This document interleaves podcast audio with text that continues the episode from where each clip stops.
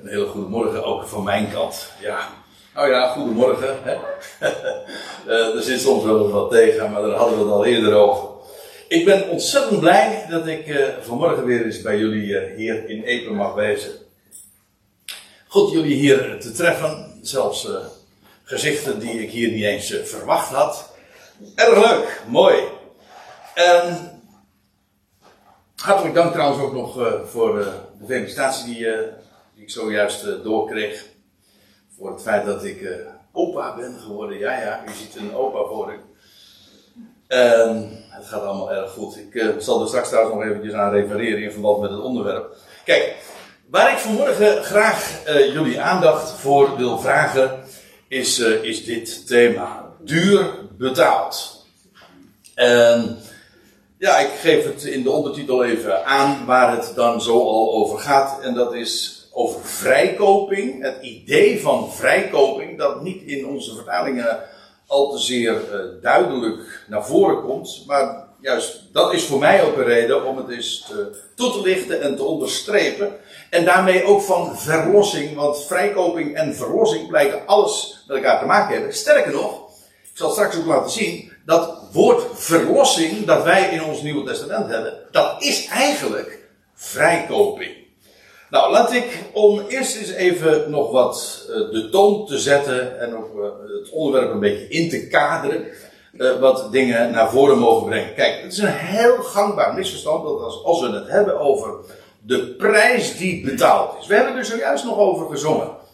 over dat wat er ooit 2000 jaar geleden plaatsvond, even buiten de poorten van Jeruzalem, namelijk toen de Heer Jezus Christus, de beloofde Messias, zijn leven gaf daar op Golgotha. Dat is de prijs die betaald wordt. Maar wat men meestal daarbij denkt, is dat toen onze schuld betaald werd aan God. En dat is een misverstand. Een groot misverstand zelfs. Uh, maar het is wel enorm klassiek. En het zit als het ware het zit in allerlei teksten van liederen ook, van u hebt onze schuld betaald. Maar ik zal u dit vertellen, de Bijbel kent dat idee niet dat daar een schuld betaald. Wel die van een prijs die betaald is, maar dat is geen schuld die betaald werd aan God. Integendeel, God vergeeft schuld. En dat is het tegenovergestelde van dat de schuld betaald is. Stel je voor, u bent mij 100 euro schuldig. En u kunt het niet betalen. En er is een ander die zo aardig is om voor u dat wat u niet kunt betalen aan mij te betalen. Oké, dan is uw schuld betaald. Moet ik dan nog iets vergeven? Kan ik dan zeggen van ik heb jou 100 euro vergeven? Nee, helemaal niet. Het is gewoon betaald. En het is heel erg goed voor diegene die dat dan voor u betaald heeft. Maar er valt niks te vergeven als de schuld betaald is. Dus op het moment dat je gaat zeggen van ja, onze schuld is betaald, heb je het begrip vergeving eigenlijk verijdeld. Het, is, het betekent niks meer, want er valt niks naar te vergeven. Maar ik zal u vertellen, dat is ook niet wat de Bijbel daarover leert. De Bijbel spreekt wel over de prijs die betaald is, maar niet als schuldbetaling, maar als een losprijs. Namelijk, en een, losprijs, dat is een prijs die je betaalt aan degene die jou gevangen. Of in welk verband dan ook. Stel je voor, het is een kaping en je, en je wordt vastgehouden. Nou, dan, moet daar, dan wordt daar een losprijs uh, gevraagd. En om jou dan te verlossen betaal je uh, de prijs aan degene die jou gevangen houdt. Op allerlei manieren kan dat. Het kan ook dat je dat je geld moet betalen om uit de gevangenis uitgeleid te worden. Whatever. Maar in ieder geval, de prijs wordt betaald aan degene die jou gevangen houdt. Nou, is het God die ons gevangen houdt? Nee, natuurlijk niet. Uh, er is, er is uh, een ander die ons gevangen houdt, of uh, de macht van de zonde, de macht van de dood, die houdt ons gevangen. En we zullen ook zien daar is de prijs aan betaald. Kijk, het, laat ik nog eventjes een paar andere dingen onderstrepen. En gewoon toelichten. Het gangbare vertaalwoord, ik gaf al eventjes uh, een hint in die richting. Voor verlossing in het Nieuwe Testament, dat is het Griekse woordje, mag u weer vergeten, maar dat is apolytrosis. En dat betekent letterlijk een loskoping. Of een vrijkoping. En dat is van belang. Want dus als je in het Nieuwe Testament ons woord verlossing leest, dan, gaat, dan is dat eigenlijk vrijkoping. Nou, wat we vanmorgen gaan doen, is gewoon een aantal schriftplaatsen uh, de revue laten passeren waarin dat woord gebruikt wordt. Uh, ik moet er trouwens nog even een aantekening bij maken, en dat is dat verlossing of vrijkoping. Uh, dat kan heel letterlijk zijn, zoals ik zojuist voorbeelden daarvan gaf. Maar het kan ook in een meer overdrachtelijke zin waar zijn. En in die zin is het eigenlijk ook, uh, daar zijn we recentelijk nog allemaal bij bepaald. Ja, ik persoonlijk, maar ik zal u eerst even een voorbeeld geven wat we van de week hebben herdacht. De bevrijding van Nederland. Maar dat was feitelijk ook een vrijkoping. In die zin dat er een een prijs is betaald door degene, en dat is, ik bedoel, 5 mei vieren we de bevrijding, maar 4 mei denken we aan allen die zeg maar hun leven hebben gegeven, via welke weg dan ook, eh, zodat wij in vrijheid kunnen leven. Dan is er een prijs betaald, niet letterlijk met een portemonnee of een zak losgeld of zo, maar er is niettemin, er is, het, vrijheid zeggen we is duur, daar betaal je een prijs voor. En dat is in de overdrachtelijke zin dus ook een vrijkoping. Dus je hoeft niet per se alleen maar aan geld te denken, maar het idee is wel dat de vrijheid, daar hangt, om zo te zeggen, een prijskaartje aan. Daar is voor betaald. En eh, ik heb er nog één, en dat is dan eh, eentje uit mijn eh, persoonlijke geschiedenis, waar ik erg eh, recentelijk, dus vorige week zaterdag, ben ik dus opa geworden.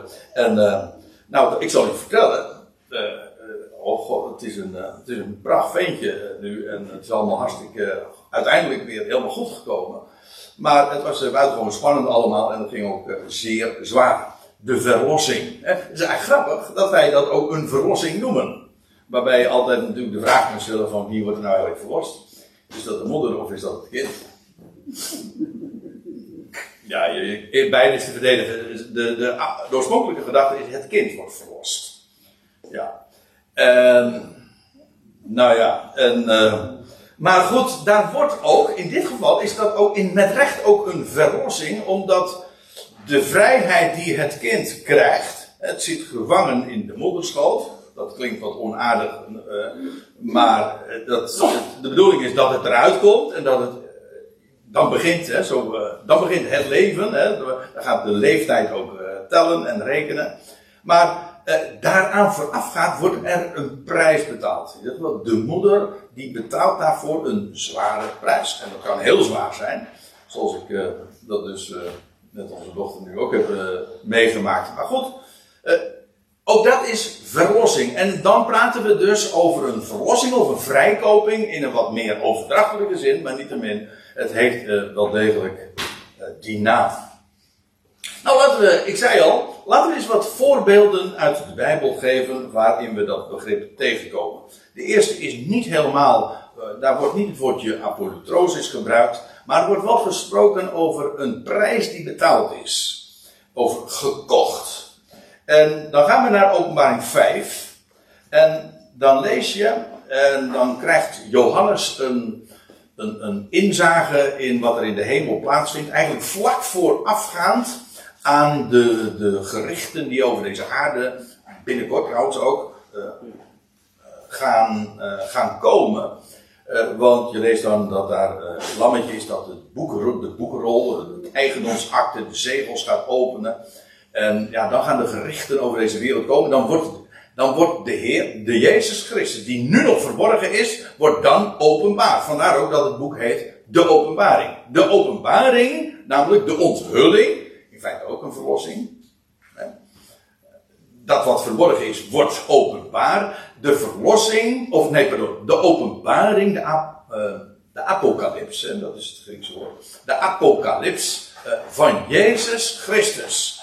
Nou, hij wordt dan openbaar. En openbaring 5 laat zien wat daaraan vooraf gaat. En dan lees je ook over 24 oudsten, of ouderlingen. En zij, als u, ja, ik ga dat nu allemaal niet toelichten, maar eh, als u mij vraagt, is dat een, een, een, uitbeelding van het volk van Israël. Is een dubbele functie. Israël 12, maar is een koninklijk, priesterlijke natie. En al zodanig ook bestemd. En die 24 oudsten, dat zijn de eerstelingen, die representeren dat volk. En dan er, en zij zongen een nieuw lied, zeggende, u bent waardig. En dan gaat het over het lammetje. En dat lammetje dat geslacht is, maar dan staat er het staat. Hoe komt dat? Normaal gesproken een lammetje dat geslacht is, dat staat niet, dat ligt.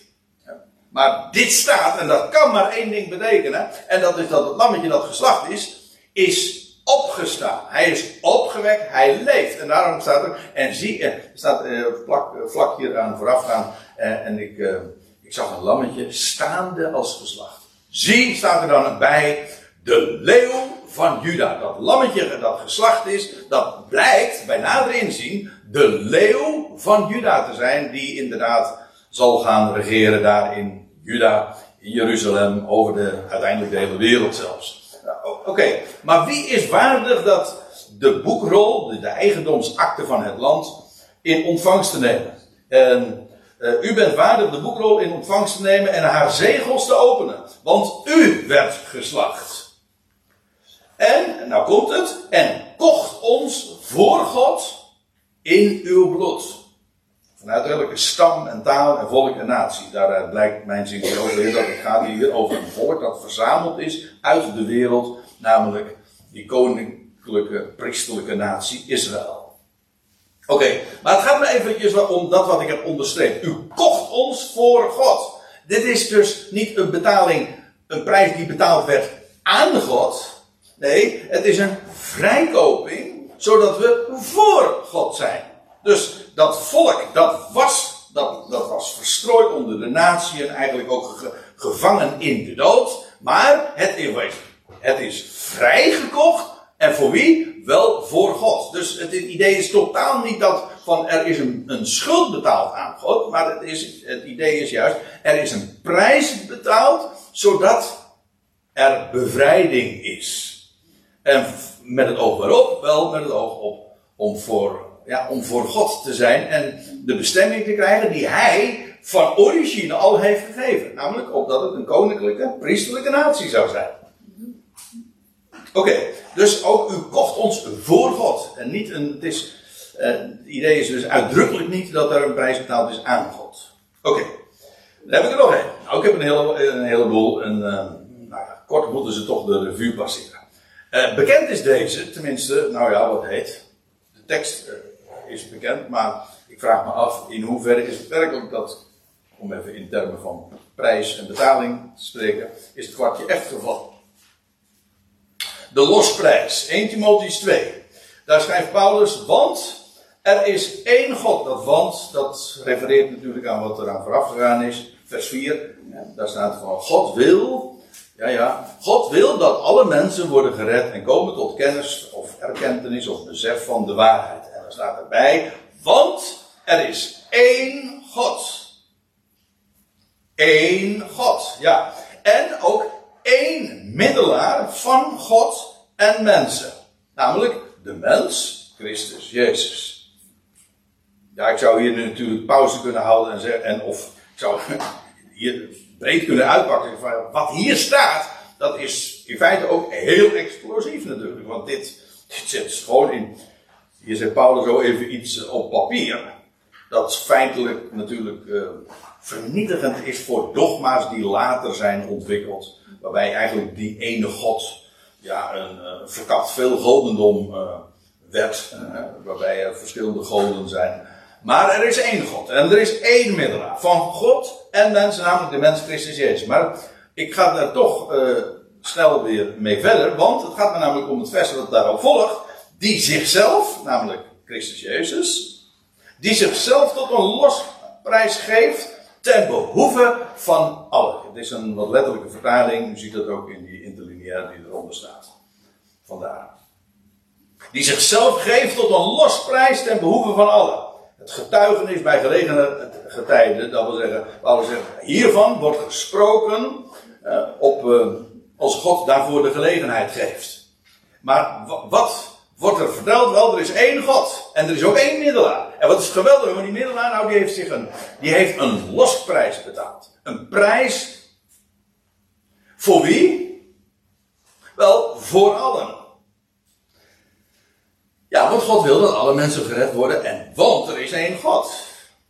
En hij bepaalt de dingen. En hij heeft ook één middelaar gegeven. En die daarvoor garant staat. Ja, en dan staat er nog bij in vers 7. Waarin ik werd gesteld, zegt Paulus dan. Dus het is het getuigenis bij gelegenheden, zegt hij, waarin ik werd gesteld. Dat zeggen, om hiervan getuigenis te geven. Hij zegt, ik ben een heraut. De MBG-vertaling staat een verkondiger. Een verkondiger en apostel.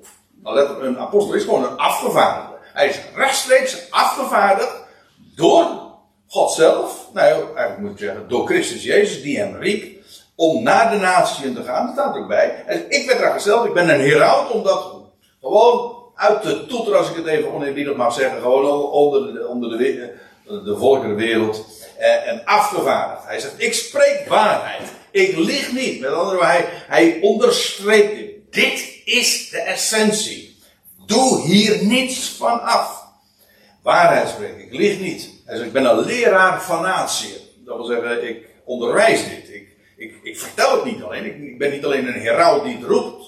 Maar ik ben ook iemand die het onderwijst en toelicht en, en bewijst. Onderbewijst dat. Hij is een leraar van natie in geloof en waarheid. Het is waarachtig, het is klopt, het is, het is betrouwbaar. Dat is wat het is. Geweldig hè? Dat we één God hebben, maar ook één middelaar. En die ene middelaar is afdoende. Realiseer je goed dat ooit, waar ik het over had, die prijs die betaald werd, die werd betaald voor iedereen. Ja, dat is geweldig. En dat betekent dus ook uh, ik, uh, ik ben zelf, er zijn er meer hier wellicht. Uh, ik slotverrekening ben op de Veluwe, die reformatorisch is opgevoed. En dan heb je in de Heidelberger Catechismus 52 zondagen. En de eerste zondag luidt dan: Wat is uw, e-, ik het nou, wat is uw enige troost in beide, in leven en sterven? En dan is het antwoord dat ik het eigendom ben van Christus Jezus mijn getrouwe zaligmaker, ik weet niet exact hoe het er staat, maar dat is wat er staat. En, uh, nou gaat u denken, nu denkt u misschien, nou ik ga daar tegenin. En ik zeg, nee, helemaal niet. Want dat is inderdaad de waarheid. Dat is je enige troost. Dat je het eigendom bent van hem. hoe? Hoe ben ik zijn eigendom? Nou, er is een prijs voor mij betaald. Voel je dat? Nee, daar, daar valt niks te voelen. Nou, als je, je gelooft, dan geeft het een enorme vreugde. Als je het niet gelooft, geeft dat geen vreugde en ook geen vrede. Dan doet het je namelijk niks. Of je verzet je er zelfs tegen. Maar het is gewoon een feit. Het is een mededeling, een bericht. Een goed bericht, een blijde, dat is een evangelie. En dat is de boodschap die we hebben.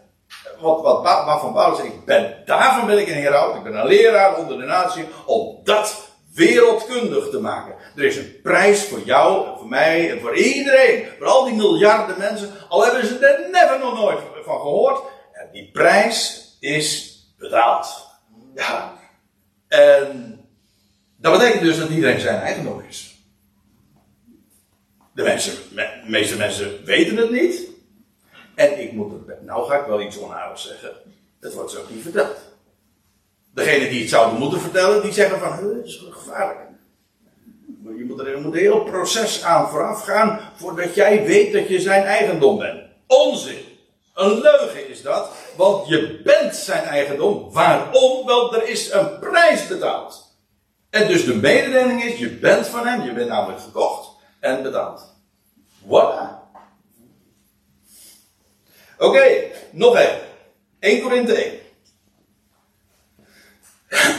Is het laatste vers van, uh, van dat hoofdstuk, waarin Paulus, uh, ja, wat, wat doet hij in dat hoofdstuk? De wijsheid van, uh, van deze wereld, die, om even, eventjes heel eufemistisch te zeggen, die relativeert hij zo. Hij zegt, nou het is eigenlijk nog sterker, Hij zegt het is gewoon de wijsheid voor God. En omgekeerd trouwens ook.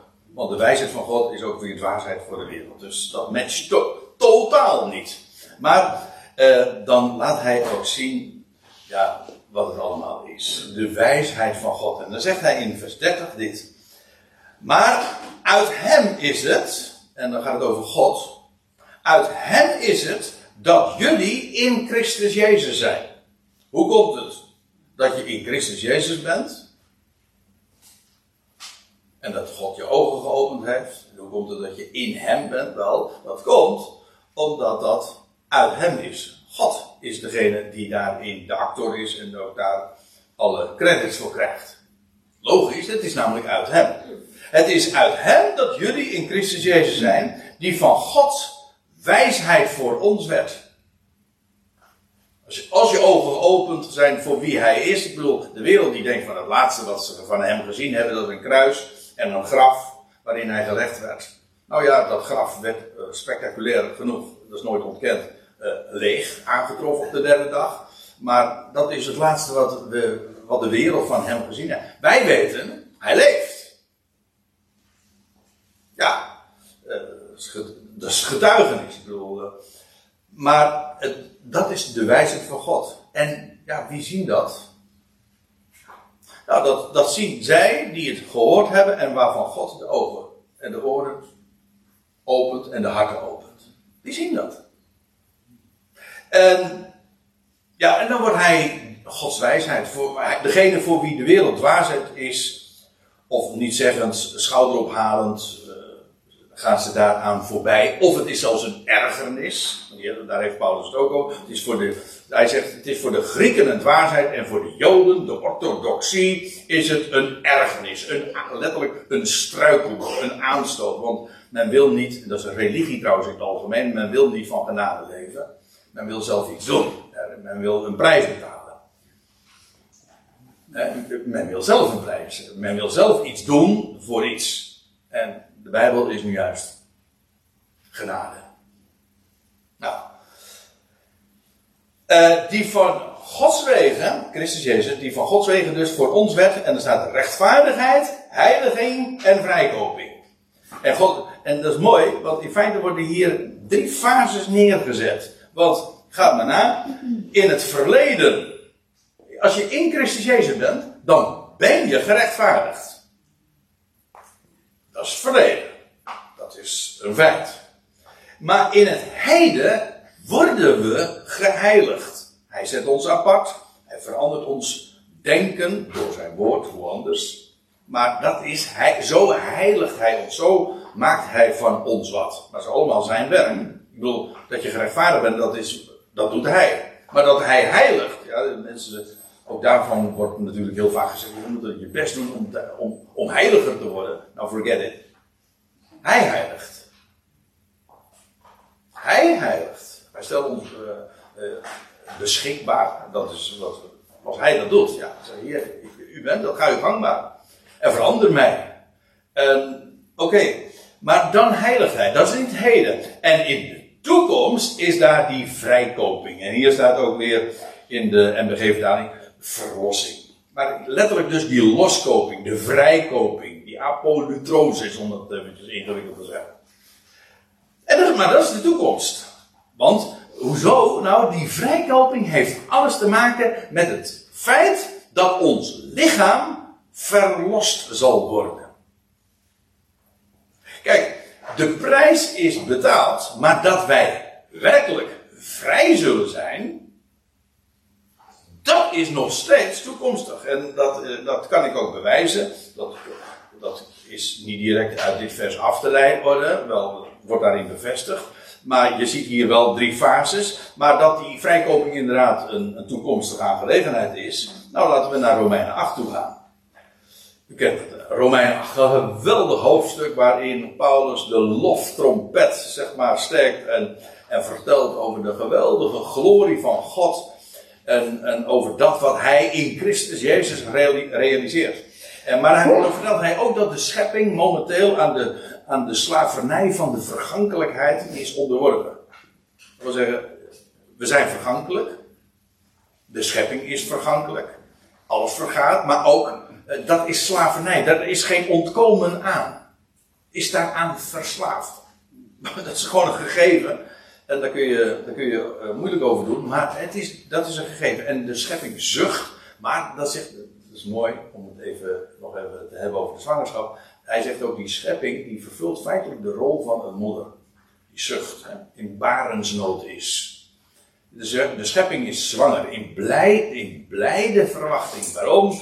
Wel, het wacht op de openbaring van de Zoon Gods. Maar eh, dan zegt hij, ik, ik, moet eh, een beetje ter zake blijven. Vers 23. Maar niet alleen zij, niet alleen de schepping, maar ook wij, wij als geloven, wij zijn een categorie apart.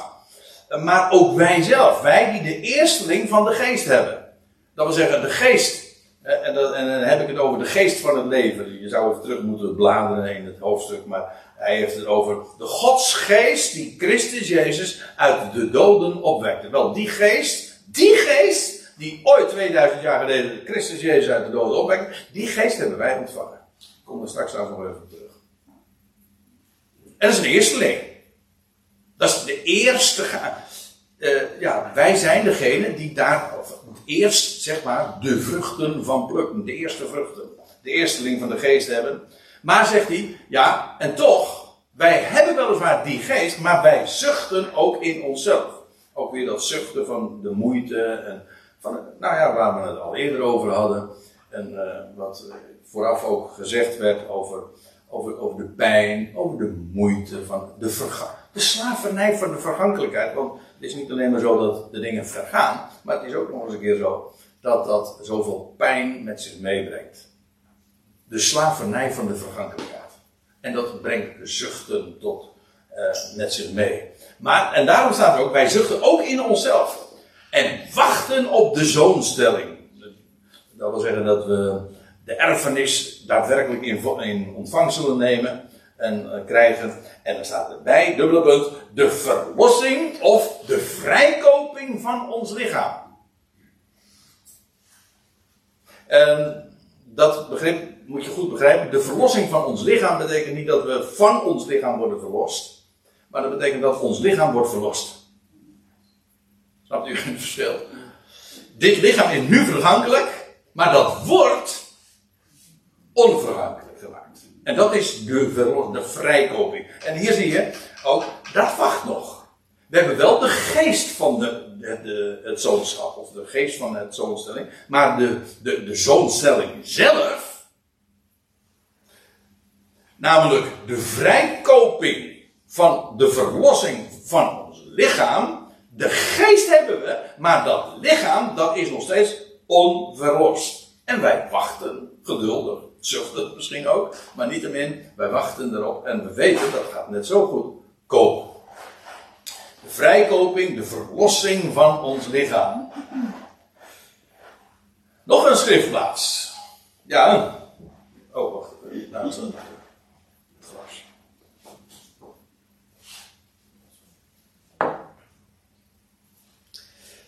Ik wilde vanmorgen toch heel graag eens. Uh, ja, wat, wat schriftplaatsen laten zien, zodat u ook weet waar de Bijbel deze begrippen, of dit begrip van de vrijkoping, gebruikt wordt. En dat, dat wat eraan verband is van uh, de losprijs.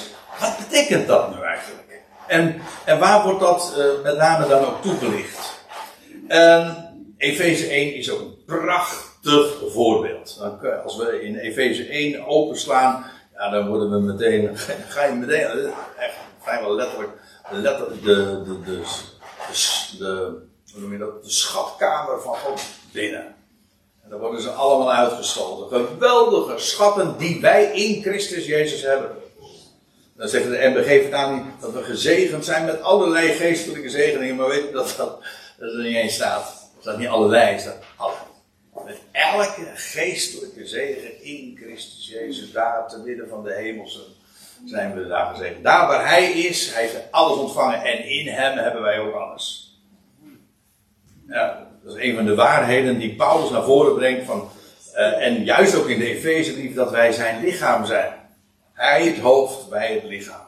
Alles wat Hij ontvangt, dat hebben wij ook. Hij is opgewekt, wij zijn met Hem opgewekt. Hij is de hemel, hij zit daar eh, in de hemel, wij zitten daar ook. Zo rekent God, dat is onze positie. Oké, naar het lichaam ervaren we dat nog niet, maar dat is onze positie, onze bestemming. En zo, als je wil weten wie je bent, dan moet je weten wat, waartoe je bestemd bent. God ziet ons nu al zo. Ook al weten, wachten wij daar nog op. Ik bedoel, Abraham die heette, God zegt, ik, jij, jij gaat Abraham heten. Een vader van vele woorden. Had hij toen nog kinderen? Nee, hij had, nog niet eens één kind. Of in ieder geval niet de beloofde zoon.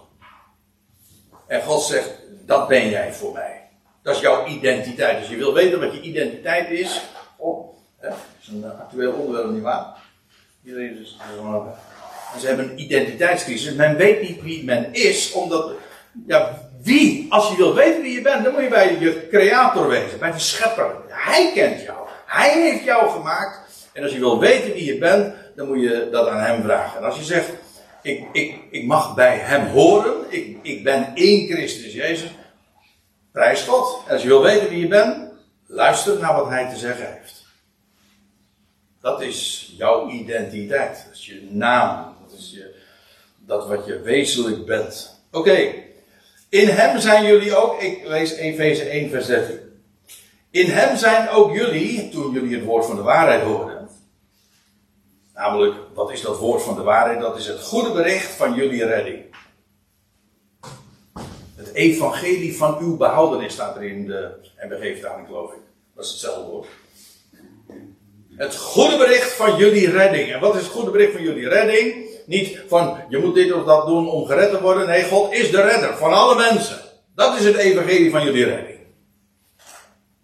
Nou, zegt Paulus, in hem zijn ook jullie, toen jullie het woord van de waarheid hoorden. Namelijk het goede bericht van jullie redding. In hem zijn ook jullie, toen jullie geloofden, verzegeld met de Heilige Geest van de belofte.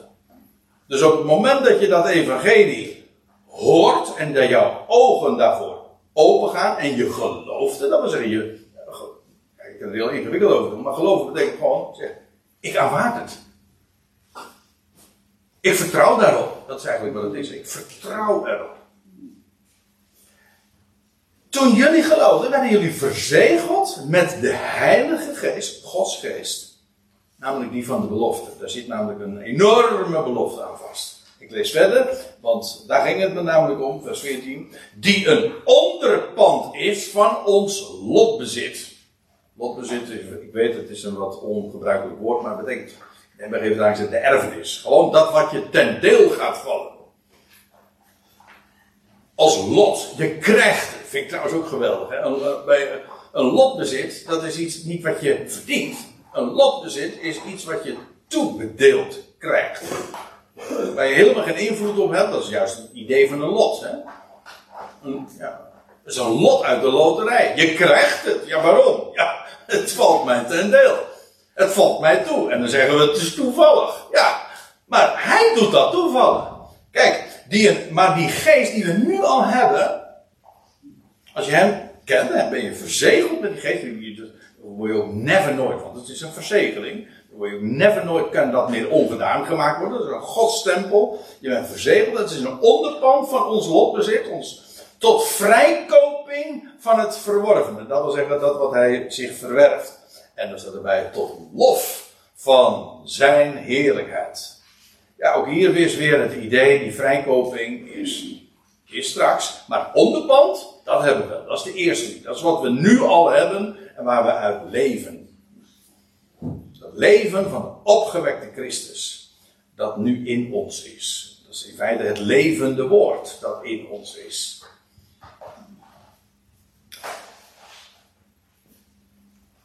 Ja, als ik nou even trouwens uh, nog uh, in datzelfde hoofdstuk even een paar versen teruglees, dan wordt ook het idee, uh, daar wordt ook gesproken over die vrijkoping. Want daar staat er, ja, het is een hele, Efeze 1 is eigenlijk, er zijn een paar zinnen. Dus dat is typisch Paulus, van die lange, hele lange zinnen. Hij onderbreekt zichzelf voortdurend. allemaal van die pauzes. Paulus is gek voor pauzes. Zijn naam zit er in zijn naam zit dat al besloten eigenlijk. Paulus. Oké, tot lof van heerlijkheid van, de, van heerlijkheid van zijn genade, gaat over Gods genade, welke hij, God, ons begenadigt in de geliefde. En die geliefde is hier uiteraard Christus Jezus. En hij geeft ons zoveel genade, waarom? Ja, nou, tot lof van zijn heerlijkheid. En maar in wie dan? Wel in de geliefde. In degene die, ja, de, de man naar Gods hart. Weet je wat David betekent? Geliefd. Ja, hij is de man, uh, hij is de ware, echte David. Wil de ware David opstaan? De ware David is opgestaan. En, en dan staat erbij, in wie wij de vrijkoping hebben, dat wil zeggen, dat is gegarandeerd, door zijn bloed. Weliswaar, de vrijkoping van het lichaam is toekomstig, dat hebben we gezien. Maar het is nu al een onderpad. Het is nu al ons bezit. In wie wij de vrijkoping hebben door zijn bloed. Ja, eh, ook daarbij is weer het idee, hij stierf op Golgotha, dat is de prijs. Ja, maar waarom stierf hij? Om op te kunnen staan. Om leven te geven, om de dood te over. Hoe zou hij anders de dood kunnen overwinnen? Door zelf eerst te sterven. Dat is de reden. Waarom stierf hij? U zegt, ja, uit liefde voor mij. Ja, maar waarom dan?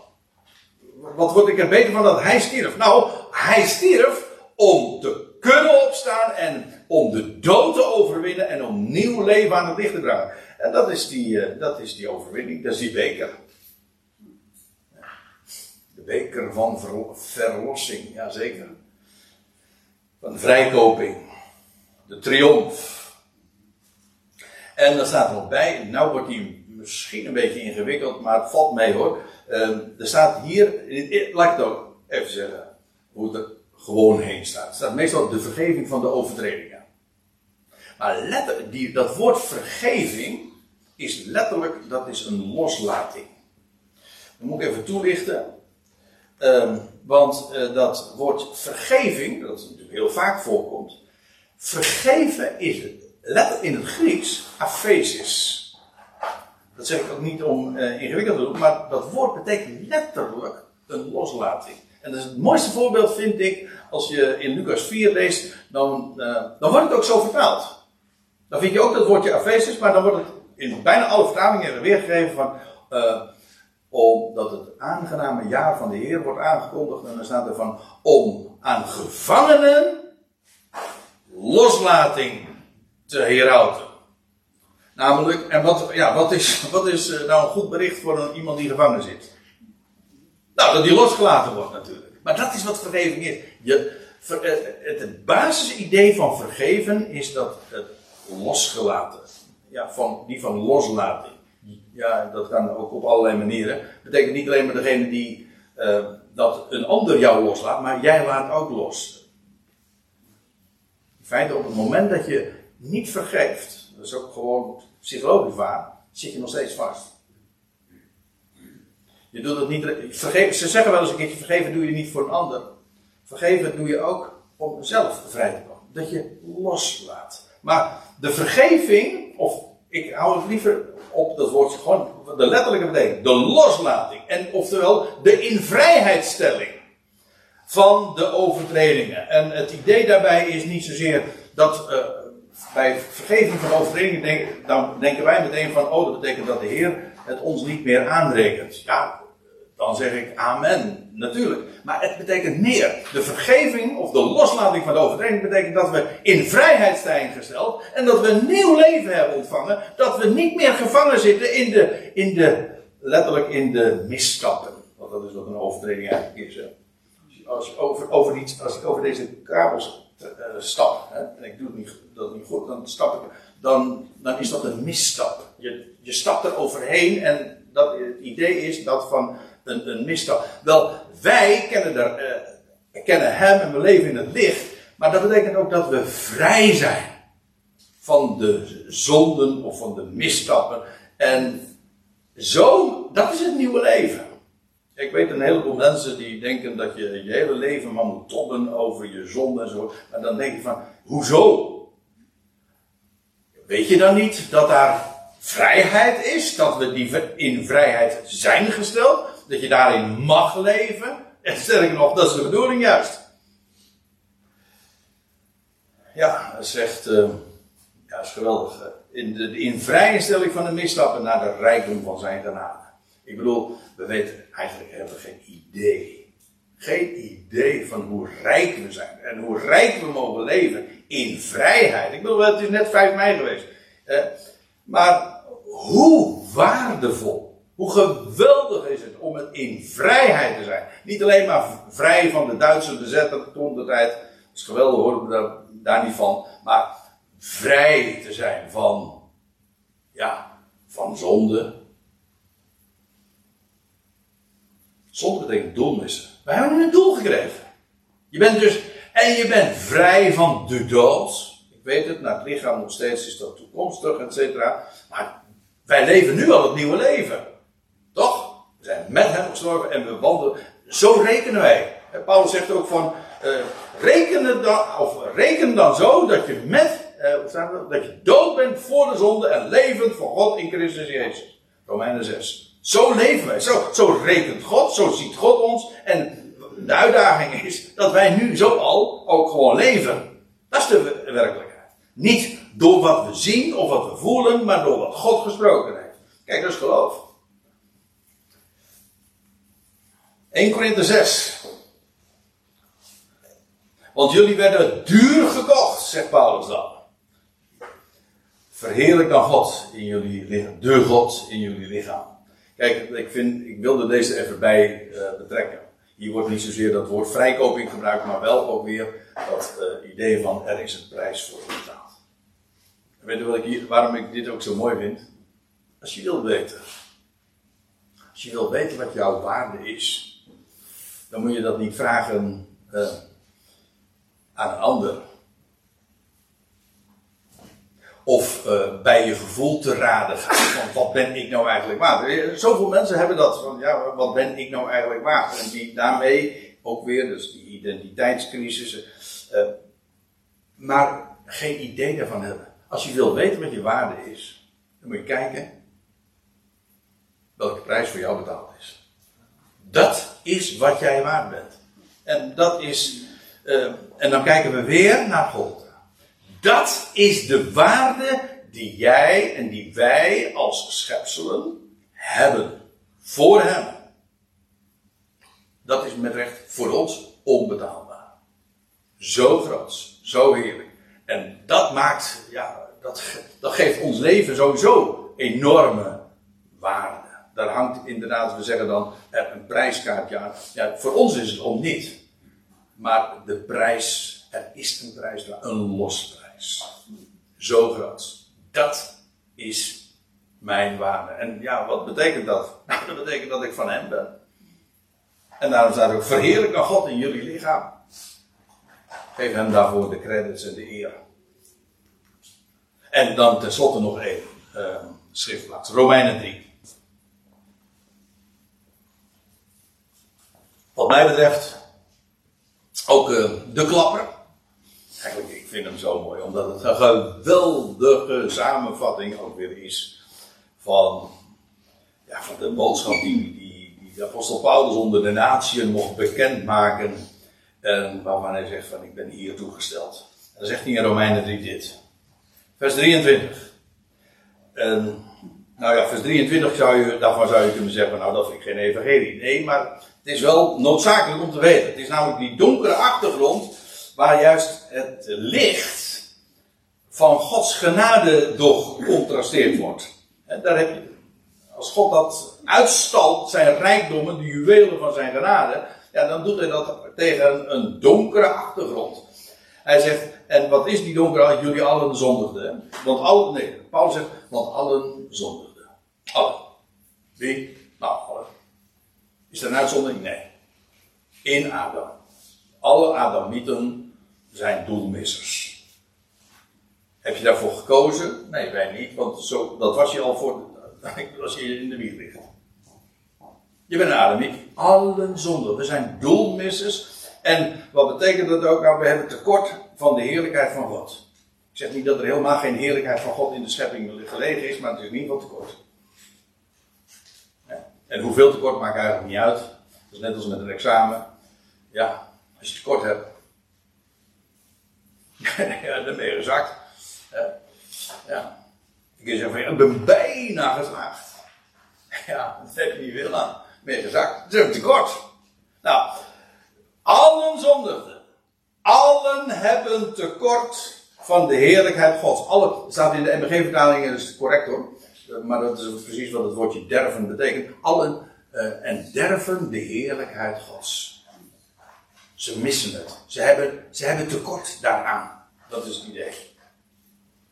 Maar lees nou verder. Dat is vers 33. De waarheid. Niemand kan er iets aan af of toedoen. Ik wil het gegeven. Alle mensen zijn doelmissers. Alle mensen zitten in de put, of ze er diep in zitten, of, of dat ze dat nou voelen. Alle mensen zijn stervelingen. Oké, en dat is ook dat tekort aan de heerlijkheid van. We leven wel tussen aanhalingstekens, maar we hebben in ieder geval tekort, want uh, er komt een einde aan. We zijn allemaal, dus ja, we lopen met de dood op onze schoenen. Allen zondigen. Allen hebben tekort van de heerlijkheid van God. En allen worden om niet gerechtvaardigd in de genade van Hem door de vrijkoping die in Christus Jezus is. Daarmee hebben we, stellen we opnieuw vast. Ja, de geweldige rijkdom van dat evangelie. Want daar staat, en allen zondigen en hebben tekort van Gods heerlijkheid en worden om niet gerechtvaardigd. Om niet. Dat is gratis dus. Hè? Er staat dan bij in de genade van hem, wat trouwens eigenlijk hetzelfde is. Want als het om niet is, dan betekent dat het dus genade is. En dat betekent dat je er niks voor kunt doen, maar ook niks voor hoeft te doen. Dat is juist de essentie, je krijgt het. En worden om niet gerechtvaardigd in de genade van hem. En dan staat erbij, door de vrijkoping die in Christus Jezus is. En hier, uh, ja, de waarheid is, uh, de prijs is betaald. Want ja, ik heb nu zo vanmorgen met u een heel aantal schriftplaatsen, uh, zo ben ik langs gegaan. Maar ja, en dat is, dat is, dat is geweldig. Maar je kunt, het is ook het heeft zoveel kanten, zoveel facetten, net als met een, een schat of een, een, diamant. Het heeft allerlei kanten en, en, je kunt het van alle kanten bezien. En niettemin, de waarheid is zo simpel. Eén God, één middelaar, één prijs, die werd betaald voor iedereen. Het is genoeg. En daardoor wordt de mededeling aan verteld en aangekondigd, geheraald. Namelijk, de prijs is betaald. En dat is die vrijkoping die in Christus Jezus is. Alle aandacht in de hele schrift gaat van Gods wegen uit naar Hem. In Hem is alles gerealiseerd. Het is volbracht. Ga nou niet zeggen van ja, maar jij moet. Nee, want op dat moment dat is, de ernst. Hè? Op het moment dat je gaat zeggen van ja, maar wij moeten toch. Dan heb je dus, dan is het genade ja, maar. Of genade plus. Ja, maar oh, genade plus. Uh, of uh, bijna. Het is, het is zo goed als gratis. Wat bizar is, want is, dat bestaat niet. Een beef, ik zeg, ik zeg het wel eens vaker, maar ja, ik, ik, uh, het, is, het is te simpel eigenlijk om het uit te leggen. Maar je we voelen toch allemaal, een beetje gratis bestaat nog niet. Ja, in reclamefolders en zo proberen ze het je wijs te maken, weet je wel. Dan wordt het gratis en je trapt er geheid weer in. Maar het blijkt altijd in de, ergens in de kleine lettertjes te staan van, ja, je moet wel zo. En ja, gewoon daar, daar had je dan weer net overheen gelezen. Dus uh, het, je dacht dat het gratis was, maar het is het niet. En weet je wat de ellende is? Dat wat genade is en wat het evangelie is, dat wordt alsnog weer verkocht. Ja, door de christenheid of door de kerk of wil niemand, uh, ik wil niemand zeer maar dat is gewoon wat men probeert weer te verkopen. En zo, ja, nou, het is zo goed als gratis. Maar je moet, oh. Maar weet u, een beetje gratis bestaat niet, want het is of gratis, of Het is goedkoop. En dat is wat men ervan vaak gemaakt heeft. Men heeft de evangelie goedkoop gemaakt. Je er bijna niks voor hoeft te doen. Of bijna niks hoeft te geven. Maar het is net zo onzin als een beetje gratis is hetzelfde als een beetje zwanger. Dat bestaat niet. Het is namelijk zwart of wit. Wel wel of niet. En dat is met de waarheid ook. De prijs is betaald. En de genade is om niet. En we zijn gekocht. En betaald. En ik geloof het. U ook?